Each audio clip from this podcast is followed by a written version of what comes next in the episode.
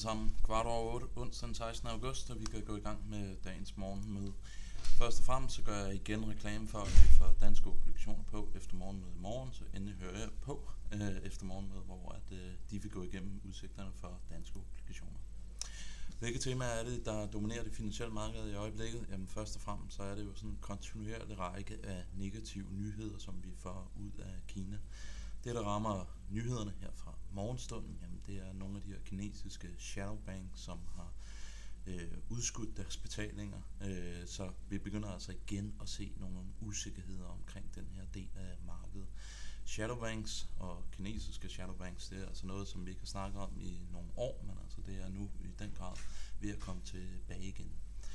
Så som en yderligere negativ nyhed for Kina, jamen, så har vi set, at øh, Fitch de overvejer at downgrade Kina, hvis de begynder at få lidt styr på alt det her bank og corporate debt theme, som ligger og kører i øjeblikket.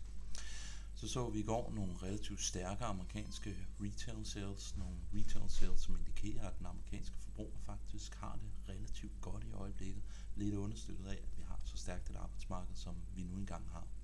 Så så vi et frasalg i obligationer, noget som jeg i højere grad synes bærer præg af, at vi ser pain trades, der kommer igennem, altså at investorer bliver tvungne sælgere af netop obligationer, i takt med at renterne bare fortsætter med at stige.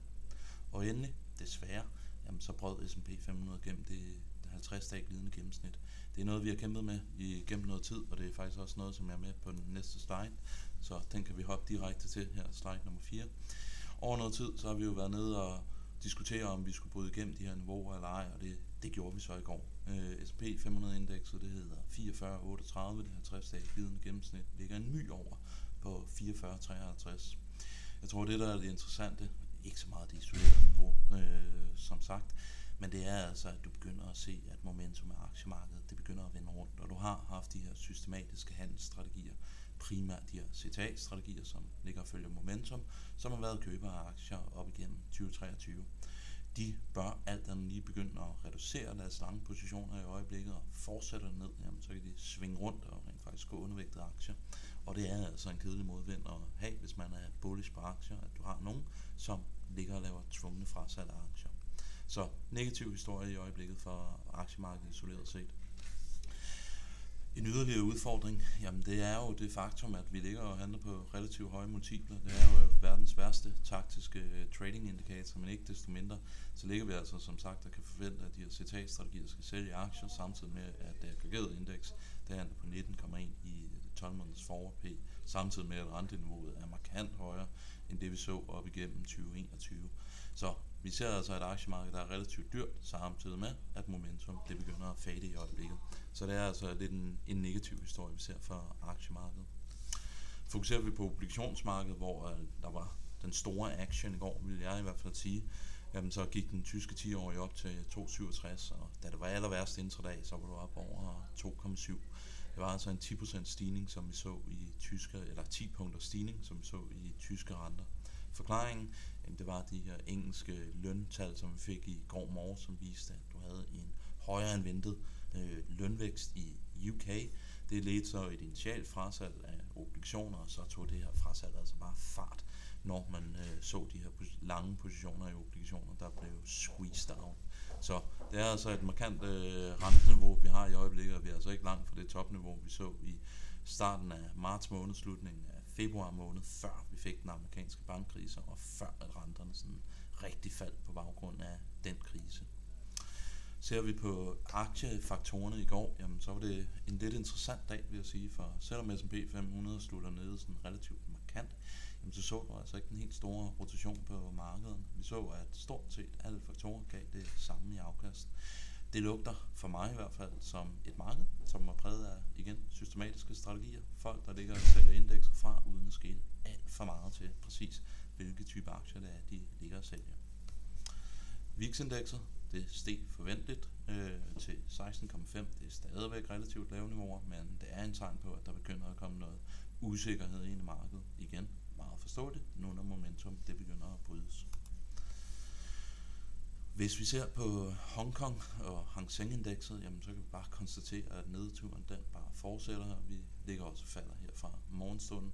Det her det er jo prisindekset, og det er ingen tvivl om, at det har altså været en kedelig historie, har været investeret i siden øh, 2017, hvor det opgjort på den her historik lå og peaked. Så har det altså stort set været en nedadgående trend, dog med nogle gevaldige øh, udsving undervejs. Men i øjeblikket, så ligger vi altså tæt på at røre de laveste niveauer for 2023, så det bliver også spændende at se, hvor det ender. Vi har i hvert fald behov for, at den her meget negative nyhedsstrøm, der føder ud af Kina, den øh, bliver der sat en prop i, for at man sådan for alvor skal tro på, at nu kan det her indeks øh, begynde at stabilisere sig. Så nævnte jeg indledningsvis, at vi øh, fik forbrugertal fra USA i går, og det var retail sales, og det er fokuseret på her, det er month on month retail sales, hvor man lige korrigerer for biltallet og for salget på benzinstationerne. Og der kan vi faktisk se, at det kom ud rigtig, rigtig pænt, og det slog i den grad forventningerne, som der var blandt andet lyttikerne. Det er altså lidt en illustration på, at den amerikanske forbruger, han har altså indtil videre i hvert fald relativt øh, fornuftigt og, og klarer det egentlig relativt godt. Så vi ser en amerikansk forbruger, som i hvert fald øger deres forbrug, og isoleret set, så burde det jo altså være en understøttende makrohistorie.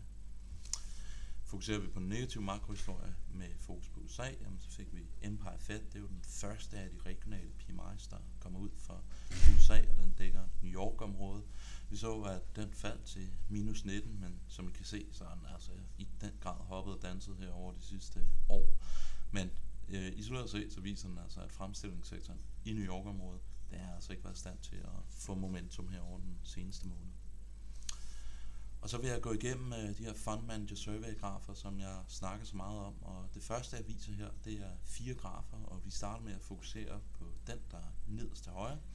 Den viser, at de institutionelle investorer, de har altså reduceret deres undervægt til aktier. Netto 11% af dem, som svarer i den her survey, de siger, at de er aktier i øjeblikket. Grunden til, at jeg så har taget fire grafer med, jamen det er fordi, at jeg gerne vil understrege, at det, der sker i øjeblikket, det er ikke så meget, at folk ligger og køber aktier op. Det, der sker, det er altså, at folk reducerer deres undervægt. Så tager du den graf, der er øh, øverst til, øh, hvad er det, øverst til venstre, så kan du altså se, at det er sådan en relativt begrænset øh, andel af markedet, som har sådan en aggressiv overvægt til aktier, eller en moderat overvægt til aktier. Så vi ser altså ikke, at investorerne sådan for alvor loader op i aktier, men fokuserer du på figuren øverst til højre, så kan man altså se, at dem, som svarer, at de er sådan relativt eller moderat undervægtede aktier, eller aggressivt undervægtede aktier, jamen de er altså reduceret. Så det er altså folk, der går imod benchmark, snarere end folk, som tror på, at nu begynder det at brage op, og nu skal vi lukke nogle aktier ind i porteføljerne. Hvis man ser på nogle af underspørgsmålene, så bliver man blandt andet spurgt til, tror du, at value det skal outperforme growth? Det er grafen øverst til venstre. Der kan vi altså se, at 23% siger, at, at det vil ske over de kommende 12 måneder, og det er faktisk en stigende andel i forhold til sidste måned. Jeg synes, det er lidt interessant i lyset af den meget stærke performance, som growth-aktier faktisk har haft her over første halvår af 2023. Så vil man lave en kontrærposition på det her, om end det ikke er det sådan mest ekstreme signal, vi nogensinde har fået, men vil man være kontrær der, jamen så loader man altså op i growth-aktier i stedet for øh, value-aktier i øjeblikket. Grafen nederst til højre, jamen den viser den andel, som tror, at EM-aktier, de skal outperforme DM-aktier. Det er jo i den grad noget, der ikke rigtig har materialiseret sig op igennem 2023 eller 2022 for den sags skyld. Men øh, vil man være kontrær, jamen så køber man altså de vestlige aktiemarkeder, og så sælger man EM-aktier fra. Og igen, jeg undrer mig altså lidt over de her tal i lyset af det makroøkonomiske momentum, vi har, og den kontinuerlige negative historie, der kommer ud af Kina. Men i hvert fald værd at bemærke. Så spørger man også som et andet delspørgsmål, tror du, at den økonomiske, globale økonomiske udvikling vil bedres eller forværres over de kommende 12 måneder? Og et positivt tal på den her graf, den indikerer altså, at der er flere, der tror, at det kommer til at gå bedre negative tal, jamen det viser altså, at der er flere, der tror, det kommer til at gå værre. Der kan vi altså se, at der er rigtig, rigtig mange af de her institutionelle investorer, jamen de tror, at det økonomiske momentum, det kommer til at gå ned over de kommende 12 måneder. Så der er altså stadigvæk en meget, meget høj grad af pessimisme omkring den økonomiske vækst ude i markedet. Når det er sagt, øh, så er det andet underspørgsmål, det er, hvad tror du det bliver? Bliver det en soft landing? Øh, bliver det en hard landing, altså en hård recession? Bliver det en no landing, om vi bare kommer til at eksplodere op, eller aner du ikke, om vi skal op eller ned? Der kan man så sige, at hvis du tror, at det her bliver en soft landing, så står du ikke alene, for det er der altså 65% af dem, som svarer i den her rundspørg, som siger, det bliver. Så har vi 20%, altså en femtedel af rundspørgen, som siger, at det her det bliver en hård recession. Og så har du øh, 10% af de glade optimister, som siger, at det her det kommer nok til at gå godt, og vi kommer til at se en acceleration af væksten. Så soft landing, det er i den grad konsensus i øjeblikket. Hvis du sidder derude og ikke har nogen som helst idé om, hvad det her AI det betyder, om det er revolutionerende, og det kommer til at fuldstændig ja, ændre den måde, vi sætter vores samfund øh, sammen på, så kan jeg glæde dig med, at du ikke er alene. Halvdelen, de siger, at det her det kommer overhovedet ikke til at have nogen betydning, og det er, en, øh, det er bare en boble, det vi ser i øjeblikket. Og så har du altså 39%, som er ude og sige, at det her det kommer til at revolutionere. Det kommer til at løfte profitmarkederne og profitten generelt i virksomhederne. Det kommer til at skabe øget beskæftigelse. Det kommer til at øge sandsynligheden for, at vi går ind i et Goldilocks-scenarie. Og så har du 16%, som siger, I don't know. Jeg ved ikke, om det her bliver det ene eller det andet. Der er jo ingen tvivl om, at siden lanceringen af ChatGPT, så er AI-temaet i den grad domineret de finansielle markeder. Men øh, som jeg også kan se af den her graf, så er folk altså helt splittet om, hvorvidt det skal være det ene eller det andet. Og som jeg har sat sådan en lille blå boks ind, hvis vi nu skal være ærlige over for selv, så tror jeg, at den her don't know box, den burde jo nok være lidt, øh, lidt større, end, øh, end hvad den er i øjeblikket. For det er altså stadigvæk undecided, hvor store de her effekter af AI kommer til at blive i øjeblikket. Med disse ord, hvad kommer til at være i fokus i dag? Jamen først og fremmest så kan jeg sige, at jeg faktisk kommer til at glemme en, blok, en boks her, og det er FOMC-referatet for det sidste FOMC-møde. Det kommer ud i aften kl. 8, og det bliver rigtig, rigtig interessant at se, hvad de kommer til at indikere omkring de fremtidige rente øh, stigninger fra den amerikanske centralbank, om komiteen var heldet til, at nu skal vi gå på pause, eller om der stadigvæk er sådan en, en bias til, at vi skal fortsætte med at stramme pengepolitikken. Så har vi engelske CPI-prints, de kom ud her kl. 8 i morges, de kom sådan i brede termer ud øh, som forventet, måske en lille tak højere.